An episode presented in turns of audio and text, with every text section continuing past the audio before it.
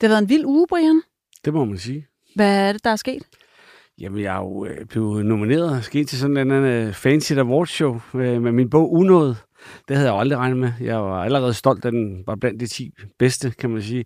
Og så skulle stemmes om, og så øh, nu er jeg blandt de sidste tre. Så du skal til Mofibo Awards, hvor du så kan vinde prisen for den bedste biografi-dokumentar Ja. bog i år. Lige præcis. Det er jo ikke nogen hemmelighed, at jeg var med til at lave den bog, og den havde en lidt hård fødsel. Den nåede jo faktisk nærmest ikke engang boghandlen, før vi måtte trække den tilbage igen. Ja. Nu er det ikke, fordi vi skal gå ind i, hvorfor den øh, skulle trækkes tilbage. Det, det har vi lovet at lade være med, men det gik jo værre, hverken værre eller bedre, end at nu er du nomineret. Tillykke med det. Tak for det. Og lad os øh, blive ved bogen, fordi du skriver jo faktisk i den her bog unået, at dårlig samvittighed, det gør stærke mænd svage. Hvad mente du med det dengang? Det var noget, der, der printede sig ind som et brændemærke i mit i hjerte, for et, øh, et mangeårigt medlem fra, fra HA, som er drabsdømt, øh, som jeg så utrolig meget op til. Han, det sagde han til mig en gang, vi kørte rundt i en bil sammen.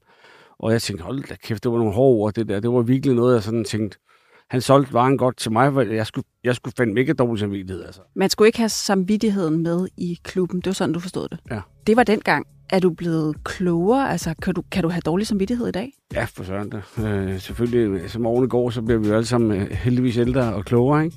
Og der fandt jeg jo også ud af, at, øh, at det var bare en illusion at, øh, at rende og have sådan nogle tanker i sit hoved, fordi at, øh, der var ikke nogen, der gider at spille sit liv i et fængsel, øh, og slet ikke for at slå et andet menneske ihjel. Men lad os lige blive ved det der med at slå et andet menneske ihjel, eller i det hele taget meget alvorlig kriminalitet. Øh, kunne du være sådan med dårlig samvittighed, kunne du, kunne du også være nervøs for, at der, der kunne komme noget op øh, fra din fortid øh, senere i dit liv, som, som kunne, øh, kunne gøre, at du måske stod til en straf? Ikke noget, som nu vi snakker om personfarlig kriminalitet, som er drab, drabforsøg eller narkohandel og sådan ting. Det er, det, det er jo de helt hårde øh, paragrafer. Der, der frygter jeg ingenting, men nu går vi ind i den kriminelle mindset, som vi snakker så meget om her, så er det sådan, at øh, typer som mig, øh, vi, vi tager justitias øh, vægtskål, og så er der nogle ting, vi, vi har gjort, vi ikke er dømt for, og så er der nogle ting, vi er dømt for, vi ikke har gjort, og så går den sådan lige op, øh, og det ved jeg godt, det er meget øh, sygt sagt, men det er bare sådan, jeg også har tænkt dengang, og stadigvæk gør, så nu er fortid fortid, øh, jeg har fået lidt og taget lidt og givet lidt, og, og, og, og nu er vi her, men jeg frygter på ingen måde at blive hentet for noget som helst med øh, det, vi skal snakke om i dag.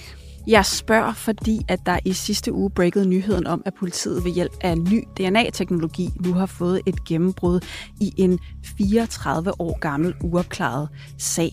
Det var drabet på Hanne Witt, som blev fundet i sin lejlighed øh, på Nørrebro for 34 år siden, og det var et meget, meget voldsomt drab. Altså hun blev nærmest øh, slagtet, har jeg lyst til at sige. Det var i hvert fald sådan, politiet gik ud og sagde, at det var meget bestialsk. Øh, den måde, hun blev fundet på, det var et øh, knivdrab. Og den har altså været uopklaret i 34 år. Og nu har den her nye teknologi givet politiet mulighed for at opklare sagen muligvis. Og det er det, vi skal tale om i dag. Og derfor har jeg inviteret dig, Christian Kornø. Velkommen til. Tak skal du have. Og velkommen til Bagvesten. Hver uge går vi på opdagelse i det kriminelle mindset og kigger på fortid og nutid i den danske underverden. Jeg kan kun tage udgangspunkt i mit eget liv, mine egne erfaringer, og dem er der så sandelig også mange af. Velkommen til Bag Vesten, en ekstrabladet podcast. Brian, hvorfor har du egentlig solbriller på i dag? Om det var fordi, at øh, jeg glemte at skifte briller, sidst jeg var herinde. Mit navn det er Camilla Marie Nielsen, og med mig i studiet har jeg Brian Sandberg. Christian, du er her i dag, fordi du er en af mine kolleger på Ekstrabladet, som har dækket den her sag om, om Hanne Witt. Øh, hvis der nu er nogen derude, som ikke har fulgt med eller bor under en sten, kan du så ikke lige fortælle, hvad drabet på Hanne Witt går ud på? Hvad det er for en sag? Drabet på Hanne Witt er, som du selv sagde, altså en 23-årig ung kvinde, som øh, bliver betegnet som narkoprostitueret dengang. Hun bliver nytårsnat, øh, natten mellem 1989 og 1990, bliver hun dræbt øh, i et meget voldsomt knivdrab på Fensmarksgade på Nørrebro. Og det er et drab, som altså, gerningsmanden går væk fra, og ligesom det forbliver uopklaret på trods af, at man lægger en meget intensiv efterforskning ind over det, ligesom man gør med, med, med alle drabsager. Og i sidste uge, så øhm, gør man jo brug af denne her slægtskabssøgningsteknik, som er en, en søgning i DNA, politiets DNA-database. Jeg stopper dig lige her, fordi dengang da man finder Hanne Witt, der sikrer man altså nogle beviser, altså tilbage i, i 1990. Der er, er DNA-teknologien jo altså virkelig på et spædt stadie. Jeg tror først, der går nogle år, før vi, hvor, hvor vi ser en rigtig øh, sag i Danmark, med, med, hvor DNA indgår. Men man gemmer altså de her ting, og det er så dem, man har kunne undersøge nu med den her nye DNA-teknologi, og så kørt den igennem øh, politiets eget register, er det sådan, det skal forstås, hvor man så har fået et slægts match? Ja, altså så vidt jeg husker, er det først i 2002, at man ligesom begynder at bruge DNA øh, i dansk efterforskning. Men det er rigtigt, at, at, at man har sikret, altså der er DNA-spor fra en mand i bukselommerne på et par bukser, man finder hos Hanne Witt. Der er også noget øh, DNA på en ledning, øh, en, et antennekabel, som øh, angiveligt har været brugt til også at strangulere hende under det her drab. Og hvordan finder man så frem til, fordi politiet har faktisk foretaget en anholdelse nu, men man har sigtet en mand for det her 34 år gamle drab. Men hvordan finder man frem til ham? Ja, der er jo stadig nogle detaljer, som, som vi ikke er helt 100% klar over, men, men man finder jo det her øh, DNA-match, på, altså, som ligger meget tæt op af det, som er ude på gerningsstedet. Og det er jo så til den anholdte slagter for Randers, øh, den 53-årige, som bliver anholdt. Det er hans søn. Politiet har hans DNA liggende i øh, deres register, fordi han er anholdt for en sag i 2018, som jeg husker det, eller 19 en ubetydelig sag, men hvor han får taget et mundskrab, og hans DNA ligesom ryger i DNA-databasen. Og da man så begynder at bruge det her slægtskabssøgning, altså søge på altså lignende DNA-streng, så er det, man tænker, okay, ham her, han ligger så tæt på den formodede gerningsmands profil, at han må være øh, altså tæt relateret til ham. Og så kigger man jo på ham og tænker, okay, han er, lad os sige, 25 år, så det kan umuligt være ham sønnen selv, fordi han var jo ikke født på det tidspunkt.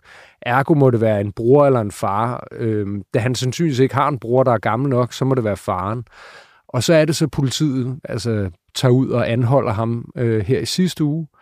Ja, får lavet sådan en lyn-DNA-test på ham.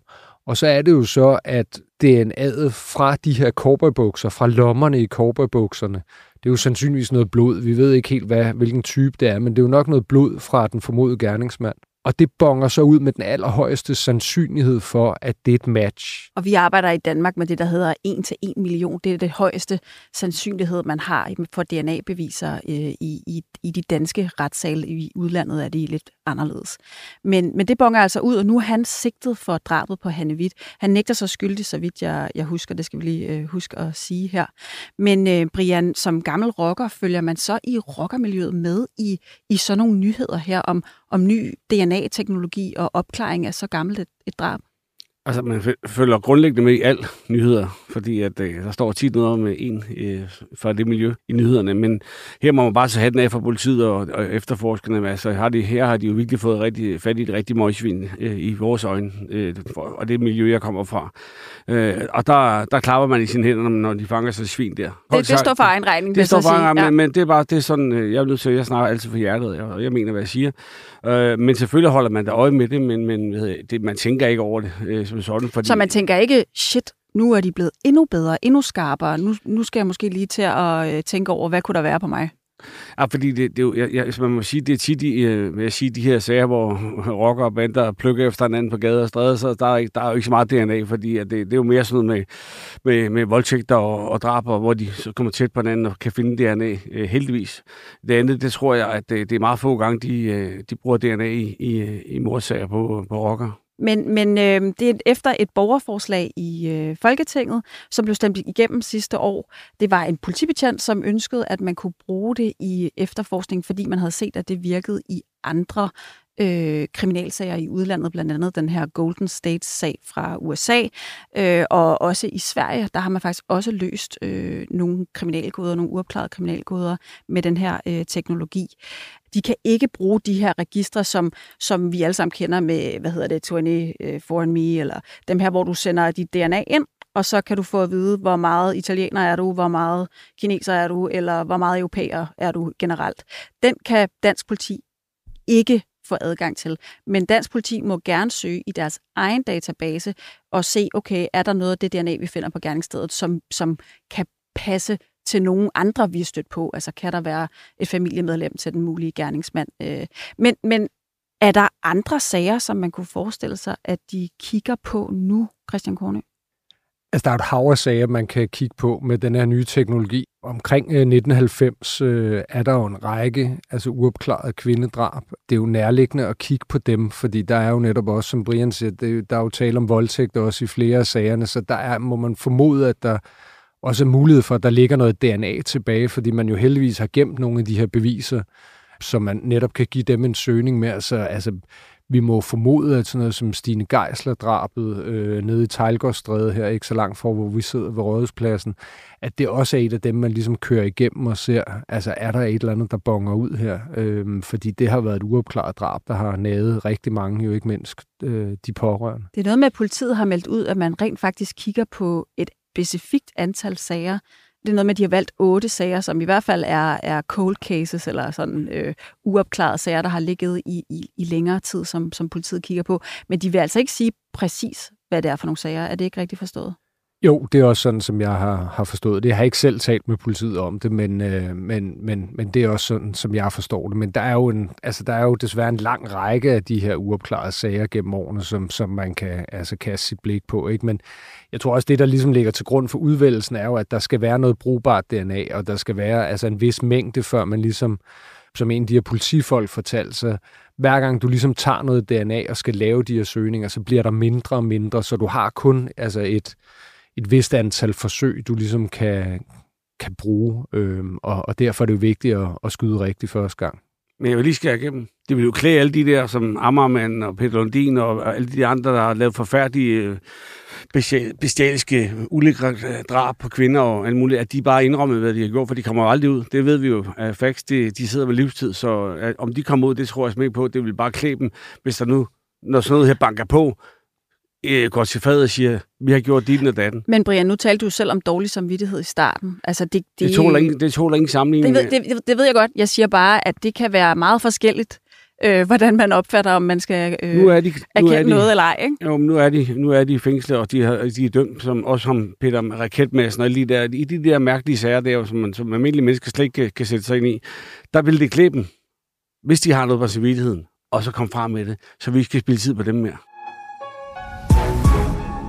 Lad os tale om, øh, om nogle af de uopklarede sager, som vi kunne forestille os, øh, man kunne kigge på i rock- og bandemiljøet, Brian. Jeg har faktisk øh, sparet lidt med dig i forhold til, hvad, hvad, hvad for nogle sager, der er uopklaret i, i lige præcis det miljø.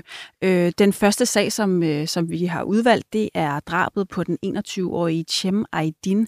Det var en januaraften i 2012, hvor han netop havde sagt farvel til sin kæreste, og så var han øh, på vej hjem øh, til sine forældre på Frederiksberg, da han blev tævet i.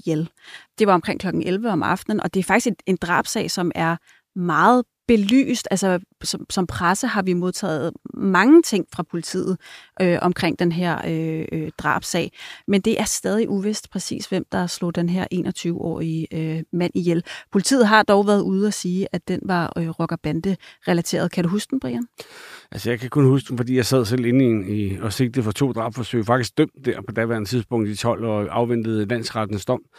Så der kan jeg godt huske, at øh, den poppede op. Også fordi de der billeder, der, der popper op af, af ham der, der blev slået ihjel, det mindede mig rigtig meget om ham, der hed Mastak. De lignede hinanden med det der smil der, så jeg tænkte, så fangede det mig på en eller anden måde. Men, men jeg selvfølgelig holdt øje med den, fordi den er jo meget omtalt, den sag, og, og der kommer hele tiden det billede af ham. Der blev delt det her billede af Chem, altså nærmest lige efter øh, drabet. Det var også et billede, som vi brugte her i medierne. Sådan en meget smilende ung mand. Han var 21 år, da han øh, blev dræbt. Og du siger, at han minder dig om Mastak Fabricius, som jo er, er den her AK-81'er, som, øh, øh, som øh, du gik rundt med, dengang du var øh, Hells Angels-rocker, øh, og som jo blev dømt senere for øh, at have startet øh, bandekrigen med drabet i, i Tingbjerg.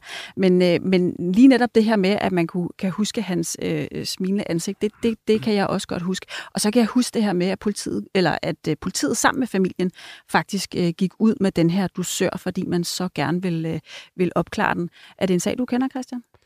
Ja, jeg kan da også huske den. Øh, altså, den står ikke knivskarpt i min erindring, men det, det er da en... Øh, altså, sagen var jo også usædvanlig, fordi der var mange gerningsmænd, altså, og han blev jagtet ned af det her stisystem og sådan noget. Altså, der burde jo være gode muligheder for, at sådan en sag bliver opklaret med tiden, fordi der er mange, der skal holde kæft for at sige det lige ud. Ikke? Det er jo også et sted med overvågning, og, altså, så, så det er jo lidt underligt, at den aldrig er blevet opklaret. Ja, det var, der var nemlig overvågning. Der var overvågning af de to biler, som, som kører fra stedet, ankommer til stedet, og som politiet mener har noget at gøre med, med det her mm. drab. Altså han bliver, han bliver øh, opsøgt af to personer, men da han flygter og, og bliver slået ned, der er de flere øh, end det ifølge politiet. Og det er jo også mange mennesker, der skal tænke over ikke at efterlade spor. Ja, altså de kan jo alle sammen have afsat DNA øh, altså på gerningsstedet og altså omkring offeret, og jeg kan ikke på stående fod huske, om, om politiet finder de her biler, men, men, men der kan jo også have været afsat DNA, eller det ville der have været helt sikkert, hvis de har befundet sig i de her biler, og de ikke er blevet brændt af, som det ellers er kutume i, i rock- og bandemiljøet efter sådan noget her. Og kan man egentlig lade være med at blære sig, når man laver sådan nogle ting her i rock- og bandemiljøet? Der er det jo ofte i forbindelse med konflikt eller noget med ære, eller vi ser også tit, at, at man er oppe og slås om en kvinde. Kan man så virkelig øh, holde sin mund, når man har, når man har opnået det, man vil med, med sådan et overfald? Hvad, altså, hvad er din erfaring, Brian? Ja, det er jo, altså, jeg vil sige, det er, det er nok nemmest at, at holde sin mund, hvis det er så grov, at man får rigtig, rigtig mange års fængsel, så tror jeg ikke, man er travlt med at fortælle nogen om det. Men det er jo sådan, i almindelig kriminalitet, og det er meget hårdt sagt, men øh, der, der tror jeg, at det er svært for folk at holde kæft. De vil godt, altså, de, de, de vil godt fortælle, hvis de har gjort et eller andet. Sådan er de unge mennesker. Og, og det, det, er jo, øh, det kan man jo se den sag med, øh, med Mastak, nu har vi lige talt om, at han, da han blev dømt, der blev Martin Frud Pedersen jo ført ind som vidne, fordi han havde siddet og, og i en bil med ham, hvor han har fortalt, at det var ham, der havde begået det her drab. Det blev brugt som vidne i hans sag. Øh, altså og... Martin Frud øh, Pedersen, Pedersen, som var politiets guldfugl, altså kronvidnet i, i den her store rockersag. Han havde hørt Mastak blære sig øh, med ja, drabet? Ja, det, det, det, det, det husker jeg fra, fra, fra, hvad det, fra den retssag, hvor han ligesom forklarer alt, at, øh, at det er i hvert fald en af de udtalelser, som, øh, som han bruger øh, i, sin, som, i hele sin vidneerklæring, og som også bliver brugt i Masters sag, at han kommer ind som vidne og siger, at han har hørt det. Og det er jo, når, når man så lægger det hele sammen, så, så bliver folk jo dømt, hvis der er sådan nogle beviser. Nu ved vi jo også fra andre retssager mod øh, særligt rocker, at der er ifølge politiet mærker i klubben, der fortæller, at man har begået drab for klubben, eller man har begået vold for klubben. For at få sådan et mærke, skal man vel også på en eller anden måde blære sig, eller øh, fortælle videre, hvad man har gjort? Nu var præmissen, gang jeg startede med at lave podcast, til at lave en kontrakt, at der var nogle ting, jeg ikke ville komme ind på, og jeg vil ikke inkriminere mig selv eller andre. Der må jeg simpelthen sige, at det må stå for politiets regning med alle de der mærker der. Og det er altså mærker på Vesten, vi taler om her. Korny, kan du måske gøre lytterne lidt klogere? Ja, altså det mest øh, berømte og berygtede mærke øh, altså i den kategori, det er jo Filthy Few-mærket fra Hells Angels. Øhm, og der har man jo også set, at øh, det ligesom er dukket op på ledervesten hos nogle af, af de herrer, uden at de har været dømt for, for drab. Og øh, det er da klart, det må jo også have fået politiet visse sager til ligesom at, at tænke, hmm, er der måske en ekstra grund til lige at vende den sag en gang til, ikke? Øh, og jeg mener hos Banditers, hvis jeg ikke tager meget fejl, at det hedder Coupe de Gras, øh, altså noget stødet på fransk, øh, det mærke, som altså er det tilsvarende dødsmærke hos dem. Altså for mig virker det jo helt skørt at, at gå og reklamere med det, men det siger måske lidt om, øh, altså hvis man skal tro politiets udlægning af, hvad de her mærker betyder, og, og det vælger vi altså på Ekstrabladet at, at, at tro på. Nu er det jo trods alt en myndighed. Øhm, men øhm, så virker det sgu lidt skørt at, at gå og, at blære sig med sådan nogle mærker på Vesten. Men lad nu det ligge. Men man kan også sige, at der er jo ikke nogen sager, hvor, der, hvor det, der er nogen, der er dømt for, at politiet siger, at mærke betyder det. Der skal ligesom være noget, noget, nogle beviser. Nogle, altså, det, det, det er jo ikke er bare klart. at sige, at politiet siger det, så er det sådan. Så, sådan er det ikke. Det er jo ikke, det er jo ikke en uh, bananrepublik, vi bor i. Det er, jo, det er klart, men det er ligesom DNA kan heller ikke stå alene i, i kriminalsager i Danmark. Der skal mere til. Det er jo fordi, at altså, i klubberne, det ved Brian jo meget mere om, end jeg gør, altså, der får man jo credit for at, at, at gå et skridt længere for klubben, end, end, og der er det her jo det ypperste, man kan gøre for klubben, tænker jeg. Vi går videre til næste sag, og så lader vi øh, den hænge i luften, Brian. Den næste sag, vi har valgt, det er øh, drabet ved Drømmeland i februar 2013. Der bliver den øh, 27-årige Said Kaisi dræbt af skud ved den her forretning Drømmeland. Det er sådan en Øh, Øh, jeg har lyst til at sige jysk sengetøjslager, men det er sådan en sengebutik, hvor han faktisk arbejder. Han er på vej hjem og på vej ud til sin bil, da der kommer øh, en gerningsmand forbi og skyder ham. Han bliver ramt i brystet og dør, og der bliver faktisk også foretaget en anholdelse i, øh, i den her sag, men vedkommende bliver løsladt, jeg tror, efter et halvt år. Øhm, så den er fortsat uopklaret. Er det en sag, du kan huske, Kornø? Ja, den kan jeg sagtens huske. Øhm, og det er jo som en del af, af den her bandekrig eller, eller væbnet konflikt mellem øh, LTF på den ene side og, og VHK på den anden side. Og øhm, Said her har øhm, altså relationer. Øh, han bor i Værebro, øh, Værebroparken, som jo er der, hvor VHK øh, opstår, Værebros hårde kerne. Og han var ikke selv bandemedlem, men han kendte nogen, hvilket jo nok er svært, når man, altså hvis man er vokset op derude, ikke at kende nogen, kan man sige. Ikke? Øhm, og øh, der er et helt ungt LTF-medlem, som bliver anholdt i den her sag, med løsladt efterfølgende. Ja, og det er faktisk, øh, vi skal frem til 2019, så er politiet ude at sige, at man vender sagen igen. Det gør de jo en gang imellem det her med uopklarede drabsager. De bliver jo aldrig forældet, og så kan man kigge på, hvad er det for nogle beviser, man har. Og der går de faktisk ud i 2019 og siger, at man har nye spor. De vil ikke sige, øh, hvad det er for nogle nye spor. De vil heller ikke sige, om det inkluderer DNA. Øh, men hvis det gør, så kunne man jo godt forestille sig, at den sag den bliver opklaret. Det var jo en sag, hvor, at, som du selv siger, et meget ungt LTF-medlem øh, blev anholdt og senere løsladt. Vi har nævnt den her sag før, fordi det her nu tidligere LCF-medlem, han har det jo med faktisk at, øh, at lægge drømmeland på sin Instagram. Altså køre forbi og lægge billeder op af den her øh, butik, øh, som han jo øh, blev sat i forbindelse med i, i forbindelse med, med drabet. Sådan lidt mærkeligt kryptisk besked på, på Instagram. Ja, men det leder mig jo tilbage til, til det, vi snakkede om lige før, hvor mærkerne også spiller en rolle. Ikke? Det er, at øh, hvor mystisk det end kan forekomme, så giver det her jo prestige i miljøet, og ligesom have trykket på aftrækkerne og taget et liv. Den tredje sag, den vil jeg faktisk godt bede dig, øh, Christian, om at introducere, fordi den ved jeg, at du har beskæftiget dig rigtig meget med. Det er drabet på øh, Ari Hussein i Valbyparken. Hvad er det for en sag? 15. marts 2018 blev han øh, skudt med, jeg mener, det var 11 skud øh, en sen aften-nattetime ude i Valbyparken.